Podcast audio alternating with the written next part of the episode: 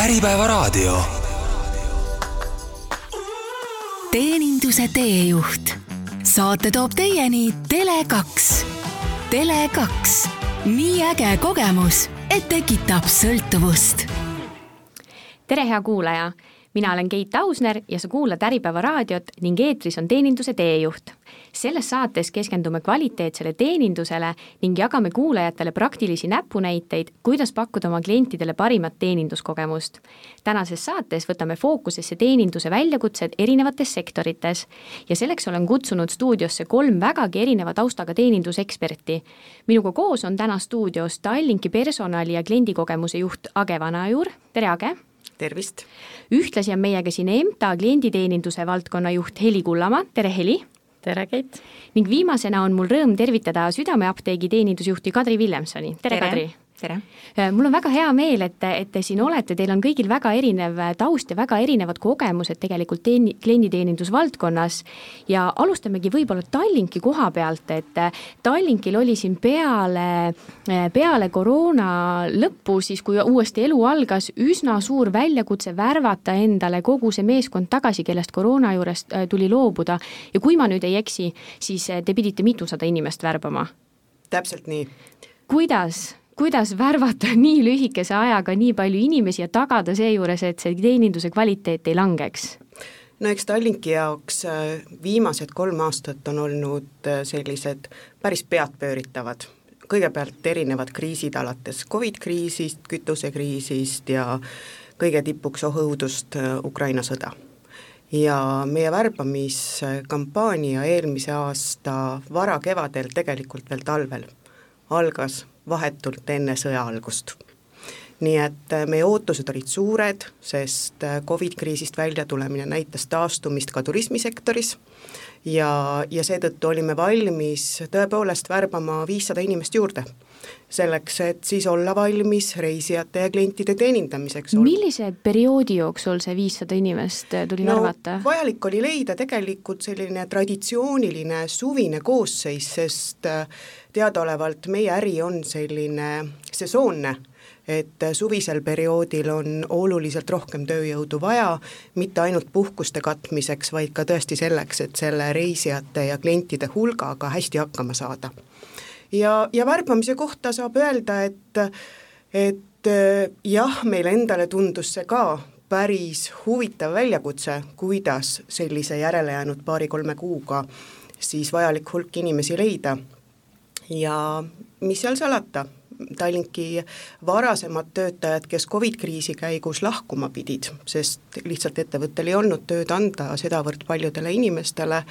olid esimesena need, keda me kõnetasime ja tagasi kutsusime ja väga paljud nendest tegelikult taasliitusid. et see oli üks suur hulk, kes teadsid täpselt, millised need töölõigud on, kuhu nad tulevad, nad olid meelsasti valmis liituma ja, ja päris suure hulga me saime juba oma endiste töötajate abil täidetud. Äh, siis seesama õudust äratav Ukraina sõda oli teine, sest me ju teame, et kui palju põgenikke Ukrainast välja liikus ja ka Eestisse jõudis ja ukrainlaste hulgas tegelikult äh, me väga kiiresti, ma võiks öelda, veebruari-märtsi jooksul äh, värbasime suurusjärgus sada inimest tööle nii et siit ja sealt ja loomulikult ka neid, kellel varasem kokkupuude puutu, puudus Tallinkiga,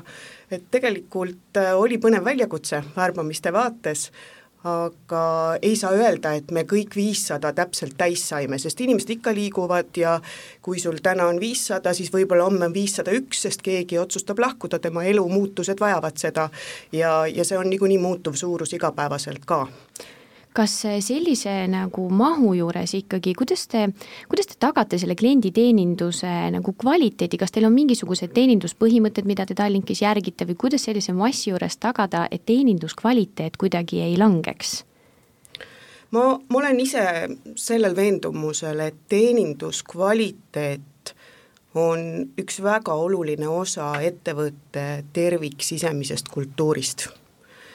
see algab tegelikult peale juba sellest, kuidas me ettevõtte sees üksteisega suhtleme, üksteist kõnetame, äh, seetõttu teeninduskvaliteet kui selline ei ole mingisugune eesliini teema, vaid see on ettevõtet läbiv teema nagu tervikuna. ja, ja seetõttu selline igapäevane töö loomulikult teenindusüksustes ja osakondades ja on, on hädavajalik selleks, et hoida sellist kvaliteeti, mida me tahame kliendile pakkuda. ja mitte lihtsalt hoida, vaid kliendi vajadustega kaasas käies ka seda pidevalt juurde kasvatada küll aga, aga no, aga miks ma ütlen ettevõtte kultuurist osa, on kindlasti see, et ettevõtte põhiväärtused, mis äh, igal endast, oma klientidest, töötajatest ja omanikest lugupidaval ettevõttel on, sa pead kandma neid väärtuseid. ja, ja Tallinkis me oleme siis põhiväärtused ja sellise kliendikogemuse, äh, meil on endal inglisekeelne nimetus, selline guest experience, äh, selle ümber ehitanud, et igale põhiväärtusele kliendi teekonnal vastavad mingid sammud Eh, kes selle, selle teekonna ehitamise juures on ja kui pikk protsess on teil olnud selle paikapanemine? Äh, see on, seal on olemas sellised fundamentaalsed alustalad, mis tegelikult äh, ei muutu nii kiiresti ja seetõttu selline fundamentaalne põhi on loodud, ma arvan, nüüdseks juba pea kümme aastat tagasi ja, ja seda tegelikult kokku pannes kaasati meie enda töötajad, kaasati klientide tagasiside ja selline fundamentaalne raamistik, ma ütleksin, selle kümne aasta jooksul ei ole muutunud, need on needsamad elementaarsed, kui klient tuleb, sa märkad teda. et sellised põhitõed ja, ja sealt edasi, kui sul baas on paigas, siis äh, saab liikuda sammudele, mida mina nimetan nagu mänguiluks, sest äh, teeninduses on iga klient ja iga kogemus on nagu unikaalne ja, ja iga töötaja võimuses on kliendile see meeldejäävaks äh, muuta mänguilu on küll väga kenasti öeldud. Eh, Kadri, kuidas on lood näiteks südameapteegiga, kas teil on ka tehtud mingisugune selline nagu eh, baaspõhimõtted, millest klienditeeninduses lähtutakse? Jaa, kindlasti meil on, et meil on kokku lepitud teenindusstandard, mida siis kõik apteekrid jälgivad ja ja meil on noh, põhimõtteliselt tegelikult on ju iga töötaja apteek, mitte ka apteegis, vaid ka siis tugiüksuses on ju teenindaja, et tal on oma siseklient, ta teenindab kedagi, et, et ka need on meil kokku lepitud, et oskad sa tuua sealt mõned näited näiteks, mis, millest te lähtute teeninduses? Millest me lähtume, me lähtume ikkagi kliendi heaolust. et äh, meil on selline kliendi lubadus, sinu tervis on meie südameasi ja me peame siis selle, selle tule-, see klient peab seda tundma ja kogu see teenindusstandard ongi loodud siis niimoodi, et, et kogu see teenindusprotsess, kes alates siis kontakti loomisest, soovide väljaselgitamisest, nõustamisest, kõik, et kõik need etapid oleks suunatud sellele, et klient tunneks, et tõesti, et me hoolime, ta on oodatud ja, ja, ja ta saab oma murele siis lahenduse apteegist. kas selle loomine on teil ka olnud mingisugune pikaajaline protsess või see on kuidagi ise tekkinud töötajate endi väärtustest? Ei, see on ikkagi pikaajaline protsess, et see on tehtud, koostatud ja seda ka muidugi täiendatakse kogu aeg ja, ja kuna ka apteegiteenus on muutumises, siis muutub ka meie teenindusstandard natukene, et tõesti, et apteeki tuleb juurde teen-, erinevaid teenuseid, tervisealaseid teenuseid, ja kuna ka apteegisektori siis visioonidokument on loodud ja, ja ka riigiga koostöös siin soovime, et apteegi siis, apteekrite siis äh, väärtus või selles mõttes see kogemus ja kõik äh, oleks rohkem väärtustatud ja kaasatud, siis, äh, siis, siis ma arvan, et see äh, et nad on, et nad tulevikus on rohkem kaasatud ja, ja, ja esmatasand ei olegi siis nii ülekoormatud ja apteekrid saavad kaasa rääkida rohkem inimese tervises ja aidata kaasa mitte ainult tervise siis hoidmisele, vaid ka tervise ennetusele et ja meie enda siis äh, soov olekski selle, selline, et noh, nagu ka mujal maailmas mõndades riikides juba toimub, et alusta apteegist, et, et iga väikse terviseprobleemiga, et äh, klient pöörduks siis apteeki ja, ja ta saaks äh, sealt siis soovituse, kas oleks vaja võtta arstiga ühendust või mitte, et ja see Covid kriis samamoodi siin ka räägiti, et noh, et palju muutis ja tegelikult ka inimesed oma siis selle noh, nagu kliendi teekonna või patsiendi teekonna puhul saidki aru, et et kui perearst ei ole kättesaadav, äh, eriarstid ei saa kätte, äh, siis, siis ainuke koht, kus tegelikult inimene kontakti saab, mis on ka äh, ja ta saab sellega ilma broneerimata ja ta saab näost näkku selle kontakti ja, ja ta saab ka abi, et, et siis, siis see näitas, et tegelikult apteekrid saavad hakkama ja on oluline osa tervishoiusüsteemist. no on olemas selline dokument nagu apteegisektori visiooni dokument, mis on praegu siis koostatud aastani kaks tuhat kolmkümmend ja seal tuuakse välja, et, et seesama tegelikult, mis sina ütlesid, on ju, et apteekrid hakkavad võib-olla rohkem nagu olema eh, nii-öelda patsientide või inimeste tervi-, tervise juures siis eh, selle nõustamise rollis ja see võib-olla esmajärgus ei pea kohe perearstile helistama, kui on mingisugused sellised eh, lihtsamad sümptomid, võib pöörduda apteeki, on ju, mis täna võib-olla, ma ei tea, sina oskad tõenäoliselt paremini öelda, kui, kui kui, kui, kui nagu tavaline see täna on, et kas pöördutakse esimesena apteekri juurde või mitte, aga kui see saab selliseks nagu uueks normiks, kas, kas ja kuidas hakkab apteekrite töö muutuma selles osas?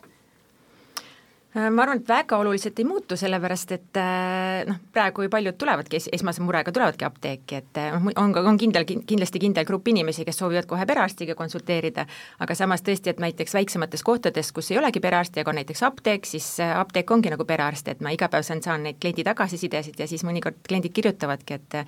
et äh, nii tore, et mul on see apteeker, et ma saan kõik, kõik oma probleemidele lahenduse, et muidugi ma ei taha öelda, et et apteeker peaks olema selline, kes diagnoosib või ravib, aga ta saab anda nõu või et kuhu minna või mida teha ja, ja, ja kindlasti näiteks äh, lihtsamate probleemide puhul nagu külmetus ja midagi, et äh, apteeker teab ju nendest ravimitest palju-palju rohkem, et ta on ainukesena viis aastat õppinud või kolm aastat õppinud, et ük-, keegi ei ole meist, ei arstid, keegi õppinud ravimitealaselt nii palju kui apteekrid, et et selle esmase valiku saab ta väga hästi aidata. ja kui ta tunneb ja näeb, et oleks vaja pöörduda arsti poole, siis ta alati soovitab seda, et, et noh, kindlasti me ei taha tungida sinna arsti pärusmaale, et ja hakata diagnoosima, et kas apteekrid saavad kogu aeg jooksvalt ka mingisuguseid täiendkoolitusi teil? jaa, kindlasti, see juba tuleneb siis äh, seadusest, nad peavad koolitama ennast Äh, teatud ainepunktide osas iga aasta, kahe aasta jooksul ja, ja pluss me veel ise pakume siis eraldi siis nii teenindusalaseid koolitusi kui siis ka vaimse tervise alaseid koolitusi et äh, kogu aeg koolitamine, et meditsiin ju kogu aeg areneb, et ei ole nii, et, et meil on ära koolitatud ja kõik, et teed oma tööd ja kas nende ainepunktide eest peavad nad ise vastutama, et leida need sobivad koolitused ja, ja, ja, ja need ainepunktid ära teha või on ikkagi, tööandja toetab selles otsinguprotsessis ja tagab need koolitused? jaa, need on spetsiaalsed, et ei olegi, noh, need on spetsiaalsed, kes võivad eri äh,, kas siis arstide või või siis, äh, siis Tartu Ülikooli või meditsiinikooliga seotud äh, sellised äh, koolitused, et kõik ei saagi neid pakkuda, et need on niisugused erialalised ja need peavad olema kvalifitseeritud, kõik sellised äh, ja, ja noh, muidugi tööandja pakub ja näitab neid, kuhu saab minna, aga lõpliku otsuse teeb ikkagi apteeker ise, et, et kus ta tunneb, et mis valdkonnas mul oleks vaja, et kas mul oleks vaja seedimise koha pealt midagi või mul on vaja astmaravimitest midagi juurde või on noh, meil käivad, koostöö on ju ka arstidega, arstid käivad neid loenguid lugemas ja ja need on ka siis veebikeskkonnas on loengud, on ka loengud, mis on siis, on ka konverentsid et sellised äh, otsese kontaktiga, et äh, jah, et neid koolitusi on palju, et kus nad saavad siis valida no kui Tallink tegi siin viiesaja inimese värbamiskampaania, siis kuidas see värbamine teil välja näeb, kui, kui palju üldse on Eestis eh, tööturule saada neid eh, sobivaid inimesi, et igaüks ju ei, ei sobigi sinna rolli? jaa, see ongi see keeruline probleem, et eh, see on väga mm, piiratud ja kinnine ringkond, et keda me saame värvata, et see eristab ka meid tavalisest klienditeenindusest, et me ei saa võtta igat ühte tänavalt, et palun tule apteeki tööle et üldjuhul töötavad apteegis apteekrid, kes on siis äh,, ongi kas siis viis aastat Tartu Ülikoolis õppinud, ehk nad on magistriharidusega, või siis Tallinna Meditsiinikoolis on siis kolm aastat on farmatseudi haridusega. no muidugi mõnes apteegis on meil ka abiks klienditeenindajad, et suuremates apteekides, et tõesti, et kui tuleb inimene kas siis lihtsamaid kreeme või näokreeme, et siis nad tõesti su-, oskavad nõustada ja aidata aga jah, see on väga keeruline, see protsess ja, ja, ja, ja tõesti, et sellised mõned piirkonnad, mis tõesti a la Saaremaad või näiteks, et noh, et on, kus -hmm. kuhu, lihtsalt see on piiratud piirkond, sinna on keeruline leida töötajat, kui ei ole kedagi ja, ja kõik soovivad leida, et siis jah kas saadetaksegi ka siis apteekreid lähetusele kuskile kaugemale, väiksemasse Eesti piirkonda? jaa, tuleb ka seda ette jaa, et äh, tõesti, et kui on vaja hoida mõnes apteegis ikkagi uks lahti, siis me ei saa seda kinni panna, et siis, äh, siis on meil ka sellised äh, apteekrid, kes käivad ja aitavad, et aga kuidas see, kui meil on siin aastaid räägitud, on ju, et õpetajate pealekasvu ei ole ja et õpetajatega meil tuleb varsti kriis ja ei ole võtta, kuidas apteek, apteekritega praegu on, kuidas tundub, kas ikkagi on nagu kandidaate ja on neid kvalifitseeritud isikuid meil Eestis või hakkab see ring ka kitsamaks minema? No selles mõttes äh, jah, et äh, on palju, kes on pensionieale minemas, aga juurdekasvu tuleb, aga see ongi selline, et kui sa õpid äh, näiteks tõesti farmatseudi, meditsiinikoolist tuleb nagu rah-, praegu tundub, et nagu rohkem, aga tegelikult ka tuleb Tartu Ülikoolist, aga Tartu Ülikoolist see, nad ei lähe ju kõik apteeki tööle, et nad lähevad ka ravimifirmadesse, tehastesse, Äh, Ravimiametisse, Sotsiaalametisse, igale poole, et, et, et me ei saa nagu täpselt planeerida, et, et nüüd meil tuleb see juurdekasv sealt, et jah, et see on keeruline probleem, aga siiamaani oleme hakkama saanud ja loodame, et saame ka. ja tegelikult, kui see Covidi aeg oli, siis paljud apteekrid tegid palju ületunde, et et ja nad noh, tõesti, ja nad on nõus tegema ja aitama vahepeal, kui on, et nad teevad tõesti, et kui sa juba selle elukutse valid, siis sa tead, et sa oled inimeste aitaja ja sa aitad ka oma kolleege ja tuled appi ja, ja ma tõesti väga see tänan. see peab kuidagi loomuses olema jaa, et see on loomuses neil, juba jaa, et, et sa ei vali seda elukutset tõesti, kui sa ei soovi teisi inimesi aidata, et et jah, et ma tõesti tänan kõiki oma apteekreid, et, et nad on olnud nii vastutulelikud ja aitavad ja saadame ja, siit tänusõnad apteekritele teile igatahes. Heli, aga tuleme avaliku sektori juurde ka ja EMTA juurde, kuidas see EMTA-s on, kas teil on olemas mingisugune klienditeeninduse standard või mingisugune dokument, mis on siis loodud teenindussektorile? Jaa, täiesti, ega siis meie ei saa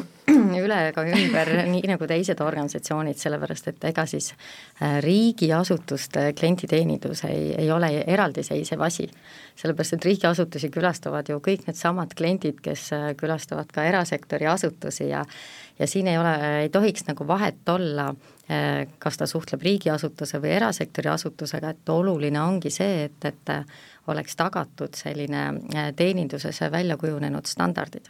ja meil on samamoodi välja töötatud ju hea tava ja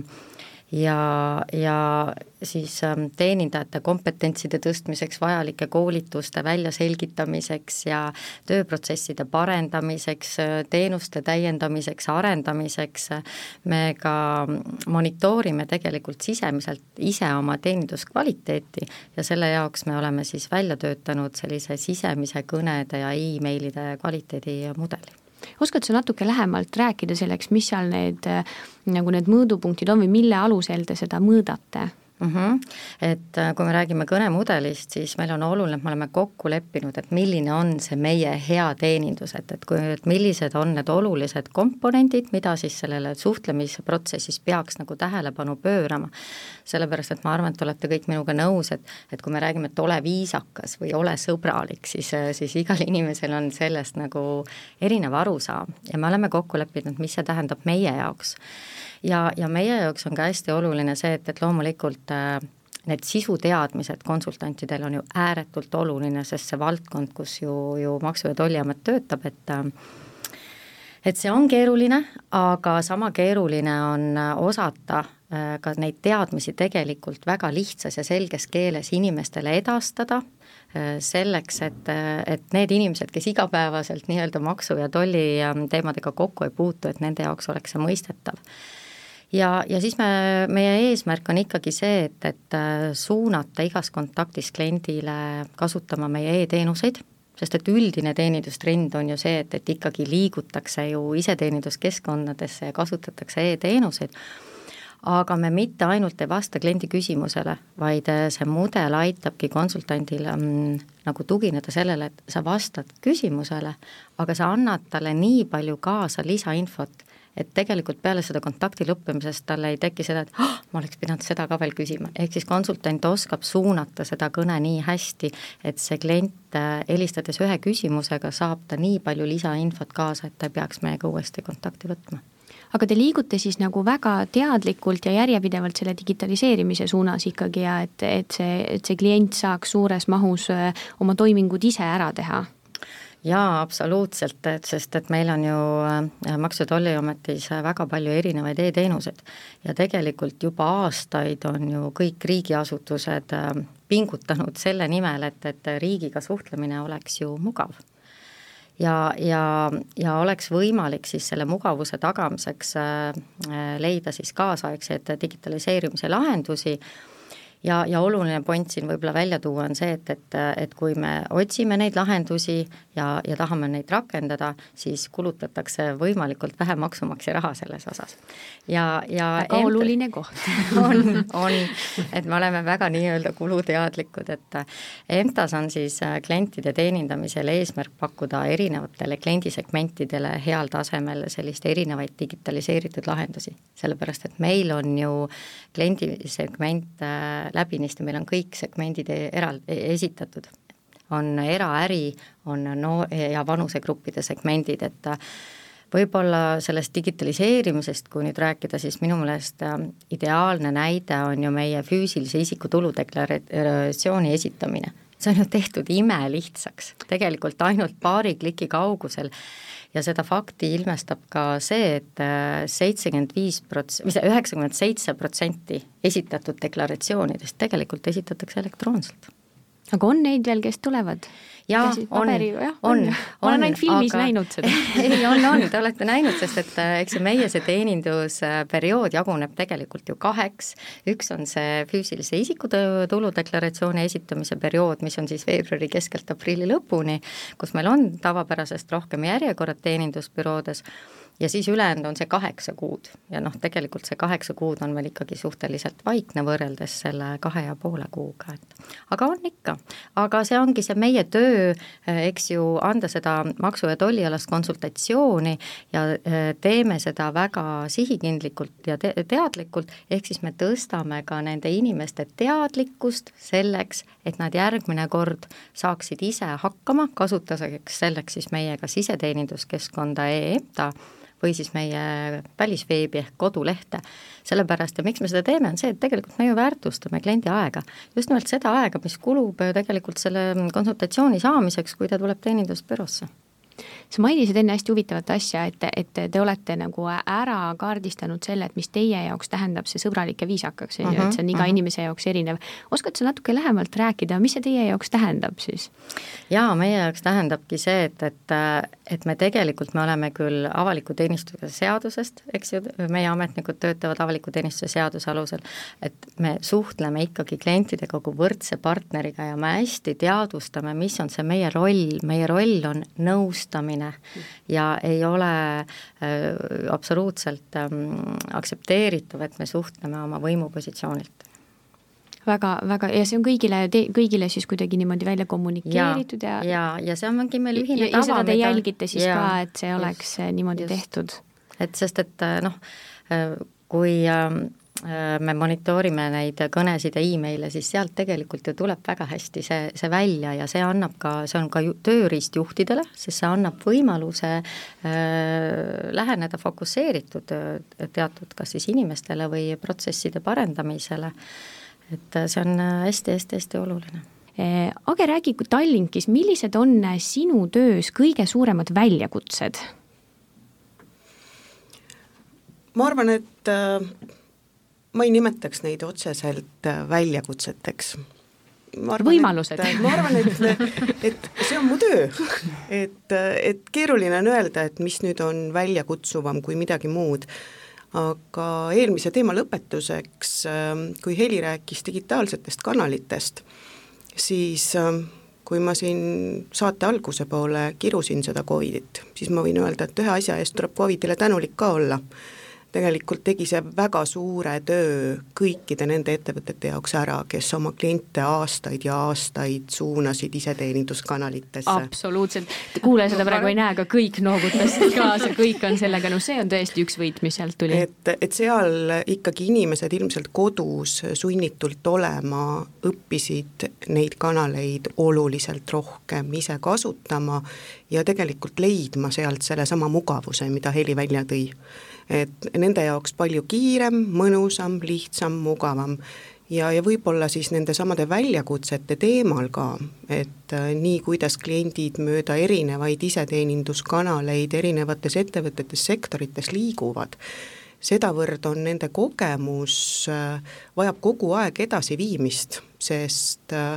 kliendi teekonnad peavad olema võimalikult lihtsad, kui ta kuskile kinni jääb, seal iseteeninduskanalis, siis on oluline vaadata järele, et mis on tehtud selliselt, et klient sealt ikkagi ise mugavalt läbi saaks. ja ma arvan, et kui see töö nüüd on Covidile tänu ära tehtud, et kliendid on massiliselt tegelikult kontaktivabades kanalites, siis see, et klientide elu oleks seal mugav, on kindlasti Tallinki jaoks üks teema, millega me tegeleme. ja, ja seetõttu äh, on see ka üks fookusvaldkondi, millesse me igapäevaselt panustame. mis on kindlasti põnev, on see, et äh, kui aastaid tagasi inimesed oma headest kogemustest ja ka halbadest kogemustest rääkisid oma tutvusringkonnas siis äh, nüüd tegelikult aina rohkem räägitakse nendest kogemustest kogu maailmale, sotsiaalmeedia kaudu. räägitakse ettevõtte ära, et kõik näeksid ja, ja ja, ja see on võib-olla mitte ainult Tallinki jaoks, vaid tegelikult äh, erinevate ettevõtete jaoks kindlasti see väljakutse koht, et olla seal, kus on klient, ja leida üles need kohad, sest tihti kirjutab keegi, kes ei pruugi olla selle ettevõtte töötaja, sugulane, tuttav, sõber või kus, kuidas iganes seotud. Ja alles hiljuti me noppisime Twitterist ühe sellise ettepaneku just nimelt iseteeninduskanali vaates üles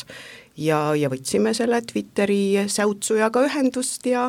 ja saime aru, mis tegelikult oligi, tuli välja tehniline väike viperus ja läbi selle sai teema oluliselt kiiremini selguse. et ühelt poolt on see natukene võib-olla hirmutav, et sa oled kogu maailma ees, ja, ja kõik on nähtav, kui iga sinu väiksemgi möödalask. ja sa ei saa kontrollida ka seda, kas see info, mida edastatakse, on tõene või väär, on ju, et just. kas see on aus tagasiside või see on mingisugune emotsionaalne. jah, et on ja. kindlasti ühte ja teist, et ettevõttena alati me lähtume sellest, et oleme väärikad, kuulame ära, vaatame ja proovime leida lahendusi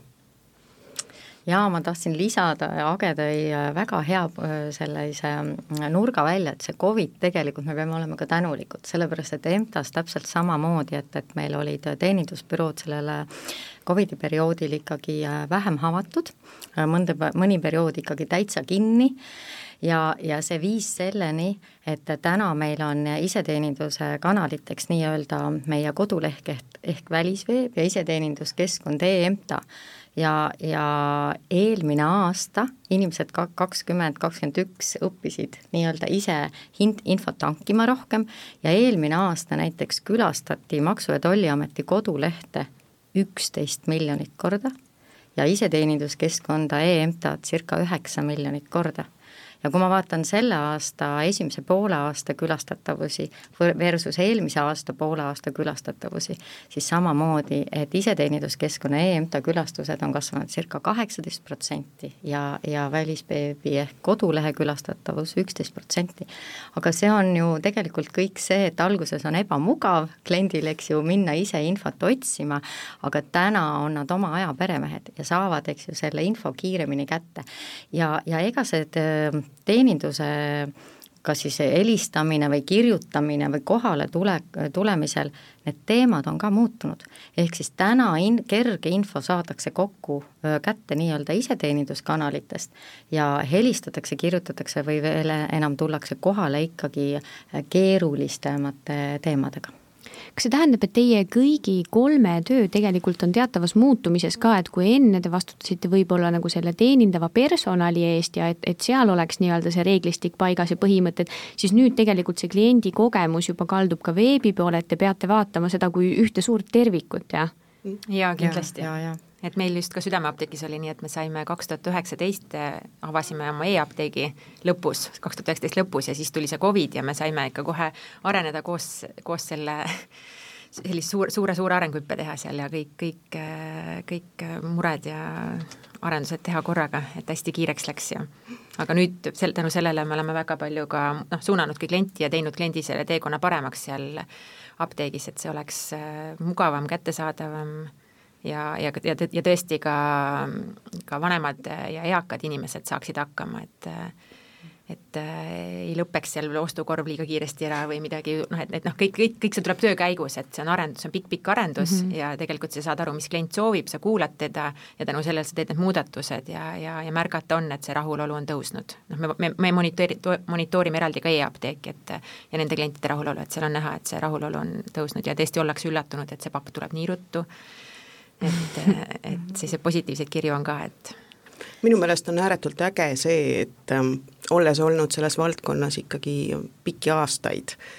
äh,, mäletan ma, et äh, ma unistasin sellest, et kunagi tuleks eesti keelde sõna, mis suudaks kokku võtta teeninduse ja müügi. ja sest, et teenindus oli kuidagi selline, pigem jättis mulje, et see on viisakus ja sõbralikkus ja, ja müük oli jälle midagi sellist, mis oli mingi periood minu meelest tohutult nagu halvamaiguline sõna ja, ja pigem pandi sinna võrdusmärk, et äh, mütsi pähe tõmmata. ja küll ma olin rõõmus, kui lõpuks lõidus, leidus sõna nimega kliendikogemus, mis tegelikult võtab need kaks kokku ja jõudsin ära oodata ja, ja, ja siis, kui me räägime, eks, et üldjuhul oli see, et, et äh, müüki saab teha ainult erasektoris, eks ju, mhm. kellele, kes on ju kasumile teenitud, ei, avalikus sektoris on täpselt samamoodi, tegelikult see müük äh, tähendab seda, et, et me räägimegi nendest võimalustest, kus klient saaks iseseisvalt hakkama, et ehk siis me suurendame teadmisi ja, ja tutvustame olemasolevaid teenuseid, et äh, ta ei peaks meiega kontakteerima. mida ma veel välja tooksin, on see, et kui me räägime klienditeekonna kaardistamisest ja, ja, ja meil EMTA-s hoiame hästi fookuses ka teenindusdisaini, siis siis nende teekondade kaardistamisel äh, Äh, me ei pane fookust ainult väliskliendi ähm, äh, kogemuse saamiseks, vaid tegelikult ka väga suurt rõhku olemasoleva kliendi, siis ehk siis organisatsiooni äh, teenindaja enda kasutajakogemusele, sellepärast et noh, nemad ju neid, neid teenuseid kasutavad ja nende baasil kliente teenindavad. Ja noh, minu jaoks on, eks ju, see teenindus emotsioon ja kui sa ise teenindajana ei ole tegelikult seesmiselt rahulolev ja sa pead tegema päevast päeva meeletut pingutust selle nimel, et saada ise seda parimat kogemust ja siis äh, pakkuda seda parimat kliendikogemust ka kliendile, no siis kahjuks on väga suur oht äh, läbipõlemisele. nii et, et me hoiame oma töötajate rahulolu ja kliendikogemust ka hästi fookuses kui palju, Kadri Väge, teie panete rõhku sellele sisemisele või siis oma nii-öelda teenindajate teekonnale selle kliendi juhtimises? Kas on teil sarnaselt eh, EMTA-le ka mingisugused protsessid ka, noh, EMTA eelis on ju see, et nad ise ju kasutavad ka seda keskkonda, eks nad teevad neid teekondi kliendiga ja. läbi, ehk siis nad on justkui nagu selle kliendi rollis. Eh, südameapteegis ma kujutan ette, et apteeker ka võib-olla seal e-poes oskab kliendiga navigeerida, kui klient helistab ja jaa, kindlasti jah, et sellest, selle, niimoodi küll jah, et kui nii mõelda, et eh, siis see on ikkagi läbi mõeldud, arutatud, aga jah, et kui see tuua nüüd siis siia see töötaja kogemus, et et mis siis mainiti, et et tegelikult me ise usume, et tõesti, et me pöörame väga palju töötaja kogemusele ka tähelepanu, et et rahulolev töötaja saab pakkuda ainult head teenindust. et kui temal on seal midagi, mis seda häirib või ta ei tea või ta on ebalev või pole kindel millestki või ta ei tea, kuida-, kuidas see pakk läheb või kas, kas see ravim annab selle kõrvaltoime või ei anna või kas need omavahel sobivad või tal ei ole piisavalt infot või tal üldse on olnud halb päev või, või midagi sellist, et siis noh, siis on hästi raske pakkuda seda head kliendi kogemust äh, kliendile. Või tegelikult meie ütleme ka patsiendi kogemust, et, äh, et olles ühendatud siis tervishoiusüsteemi, et, et need, kes on ikkagi ravimitega, need on meil ka nagu patsiendid ka, et et meil, meil on nagu kahtepidi see mõiste, et patsiendi kogemus ja kliendi kogemus, et okei okay.. ma olen nõus, ma olen nõus ja ma arvan, et äh, ilmselt äh, seda teevad mitmed ettevõtted ja, ja, ja see on üsna tavapärane, et kui sa selles ettevõttes töötad, siis sa suure tõenäosusega kasutad ka selle ettevõtte teenuseid, äh, mis on väljapoole suunatud ja ja, ja meil on see rõõm, äh, et kui töötajaid on tegelikult äh, päris mitu tuhat, siis seda tagasisidet juba, mida teha, on ka samavõrd majas, et jätkuks ainult käsi ja, ja jõudu, et kõik see ellu viia, sest eks seda ma olen küll kuulnud oma tuttavate seas ka, kes sarnast äh, tööd teevad, et äh, et vaadata nendele tegevustele rohkem nagu kliendi pilgu läbi. et kuidas klient seda tajub, meie, kes me selles ettevõttes sees oleme, me teame tegelikult neid asju niikuinii rohkem ja, ja ma ikka aeg-ajalt ka kolleegidele ise ütlen, et klientide elus on palju muud ka peale Tallinki, meie elus ju ei ole. Nii ta kipub olema jah, et oma, ise tead ju täpselt, miks mingi asi kuskil asub, mis mõte selle taga oli, miks asjad on nii üles ehitatud, on ju, aga klient ei pruugi üldse nii mõelda sa mainisid enne, Age, et teil on, et saite sealt Twitterist selle tagasiside, on ju, kohe tegelesite sellega. kas teil on, kelle vastutusalasse see pigem langeb, et jälgida neid sotsiaalmeediakanaleid ja kanda hoolt selle eest, et, et selline tagasiside, mis on reaalselt nagu väärt uurimist, et sellega saaks tegeletud? võib öelda, et äh, on küll kindel nii-öelda kanali omanik, kes äh, vaatab äh, seal ja hoiab selle kanali kanali tervise eest hoolitseb, patsiendi tervise eest. Ja kuid äh, ma siin jälle pigem ütlen, et äh, et kolleegi silm, kes leiab kuskilt midagi ja ütleb, kuule, kas sa seda näinud oled, või siis, äh, mis seal salata, kolleegide sõbrad, kuule, Tallinki kohta öeldi seda, et kas olete kursis, et see info tuleb igalt poolt. Ja, ja kindlasti on üks koht seesama kanali omanik, kes kogub need teemad kokku ja saab teha mingeid tulevikuotsuseid võib-olla uuteks investeeringuteks, kuidas kanalit edasi arendada, aga sellised pisimuudatused me tegelikult peame võimalikult kiiresti ära lahendama, et klient tegelikult ei peaks oma pead valutama selle, selle eest, et kas ja kuidas ta nüüd oma asjad tehtud saab. ja täpselt samamoodi ka klassikalise klienditeenindusega, et kuivõrd meil on selline eh, klientide tagasiside küsimustik reisijärgne, siis eh, kui klient selle täidab, eh, siis kõikides teenindusüksustes nad näevad operatiivselt seda, mida kliendid on tagasisides vastanud. ja kui klient on öelnud, et ta ühe või teise teema koha, korral tahaks tagasisidet saada, siis me võimalikult operatiivselt katsume reageerida, sest äh, siis on see teema veel võimalikult soe nii kliendi kui meie enda jaoks, et siis aidata neid kõrvalekaldeid tegelikult lahendada, sest noh, tegijal ikka juhtub. no muidugi, muidugi mm. -hmm. kuidas see Kadri Südameapteegis lood on? kust teil üldse peamine tagasiside tuleb, kas ka sotsiaalmeediakanalitest või on teil tagasisidet, mis koht või öeldakse otse apteegis hoopis, et kindlasti väga palju tuleb ka otse apteegis, et äh, olles ise ka proviisor, äh, töötanud apteegis, et siis tegelikult kliendid annavad otse tagasisidet ja nad on väga tänulikud, kui nad saavad abi, toovad torte, toovad komme minul isiklikult isegi, et üks härra marineeris kilusid kunagi oh. tõi, et et, et, et noh, et on selliseid noh, nii-öelda kogukonna apteeke, et kus siis klient on otse väga tänulik, aga samas on ka selliseid anonüümsemaid apteeke, et kus nagu noh, käib erinev rahvas, et aga, aga tegelikult eh, jah, et kui mõeldes ettevõtte tasandil, siis ikkagi millele me reageerime ja mis meieni siis ka kontorisse jõuab, on, me saadame klientidele siis eh, tagasiside küsitluse ja mitte sagedamini kui kord poole aasta jooksul. Ja seal me siis küsime tõesti, et kuidas te jäite rahule teenindusega, kas te vajasite ka nõustamist ja siis kas te soovitaksite Südameapteeki ka siis oma sõpradele, et et ja seal on ka kommentaarid ja sealt tuleb väga palju sellist infot välja, et, millega tegeleda, millega kliendid rahul on ja valdavalt see number on meil väga-väga kõrge, et see rahulolu on et need kliendid, kes muidugi vastavad ja, ja, ja siis nemad üldjuhul on väga rahul. aga, aga jah, tuleb ka selliseid, kus me näeme, et mida on vaja teha või kus midagi juhtus ja, ja noh, ja see on arusaadav, et igal pool, kus on äh, kaks äh, siis äh, osapoolt, et kaks inimest kontaktis, et siis võib tekkida selliseid arusaamatusi, et äh, kas siis juba siis keele tasandil või, või siis niisama emotsionaalsel tasandil, et, et üldjuhul ju apteeki tullakse murega, et need kliendid on sellised emotsionaalsemad, ärritumad, et neil on mure oma kas siis enda või lähedase pärast, et et selles mõttes see natuke see kliendid, noh, see ei ole tõesti selline reisibüroo, et ma tulen rõõmsa tujuga ja ostan et, et kõik see meelestatus on selline üldjuhul selline väike, väike mure on seal sees ja siis, siis apteeker peab olema nii professionaalne, et ta suudab selle lahendada, nii et klient rahub rahulolevana. Kuidas on EMTA-s tagasisidega, ma kujutan ette, et, et te võite saada üsna teravat tagasiside vahepeal. Jaa, täiesti õige, aga ma natuke läheks, lähen, vastaks selle küsimuse natuke laiemalt, et selles mõttes, et meie kogume väga mitmeid erinevaid andmeid, sellepärast et selle meie valdkonna andmeanalüütika on igapäevase töö selline lahutamatu osa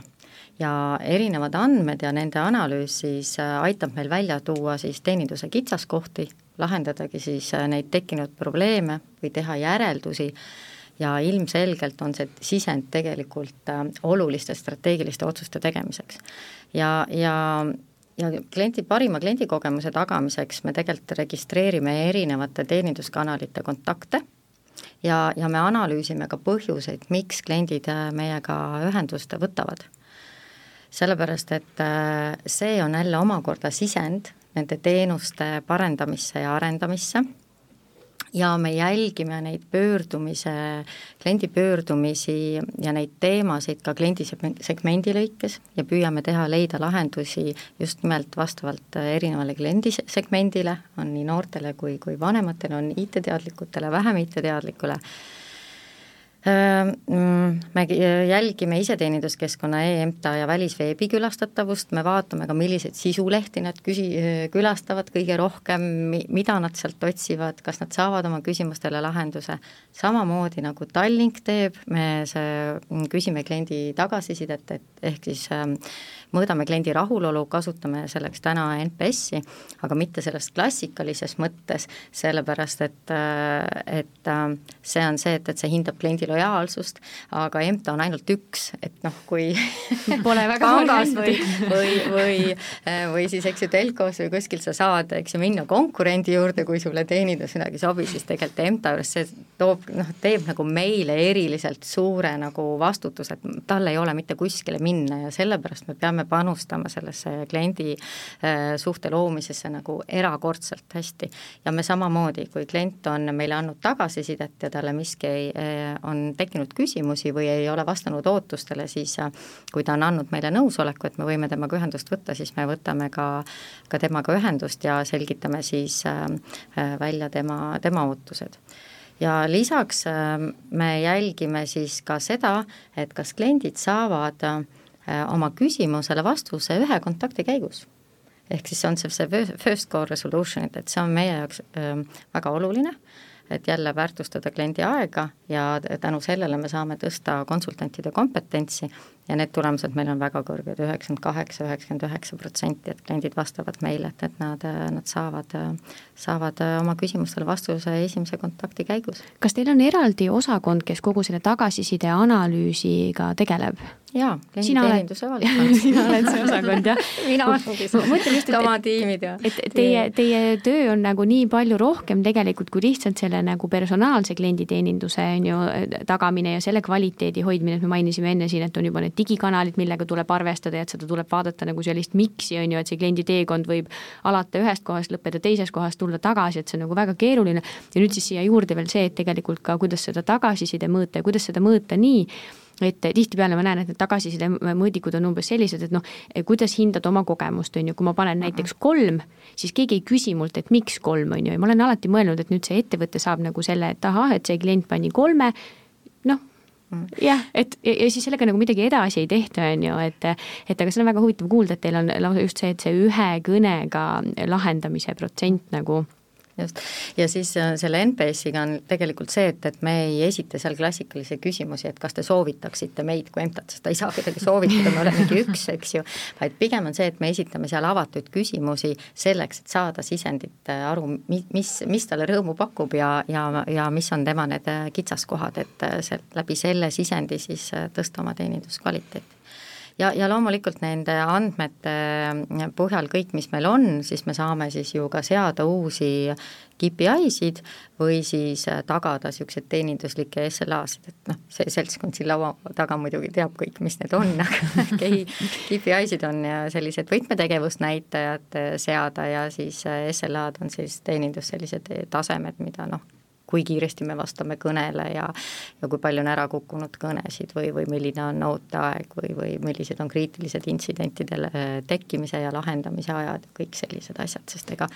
me ju kasutame oma töös teenindamisel me väga palju ju süsteeme ja kõikidel organisatsioonidel tuleb ette seda, et vahel asjad ei toimi. et ja see on väga oluline vaadata seda, sest see on üks komponent kliendikogemuse loomisel mul on nii kahju öelda, et me oleme oma tänase saatega jõudnud ühele poole, tundub, et teiega oleks veel nii paljust rääkida, teil on tegelikult kõigil väga erinevad kogemused, nagu me enne mainisime, on ju, et Tallinkis saab võib-olla seda lõbu ja reisielamust, on ju, Südameapteegis saab äh, abi, EMTA-s ei olegi konkurenti, tuleb sinna pöörduda, mis tähendab, et tuleb tagada see kvaliteet, et need inimesed oleksid rahul, kes pöörduvad, teil on tõesti kõigil väga põnevad kogemused. ma väga tänan teid, et te, et te oma kogemusi ja, äh, jagasite, nii et suur tänu tänastele saatekülalistele, Tallinki personali ja kliendikogemuse juht Age Vanajuur, aitäh sulle, Age! aitäh! Äh, aitäh EMTA klienditeeninduse valdkonna juhile Heli Kullamaale! aitäh kutsumast! ja suur aitäh Südameapteegi teenindusjuhile Kadri Villemsonile! ja aitäh kutsumast! Äh, see saade on järelkuulatav äh, veebilehel kaubandus.ee, seniks järgmise korrani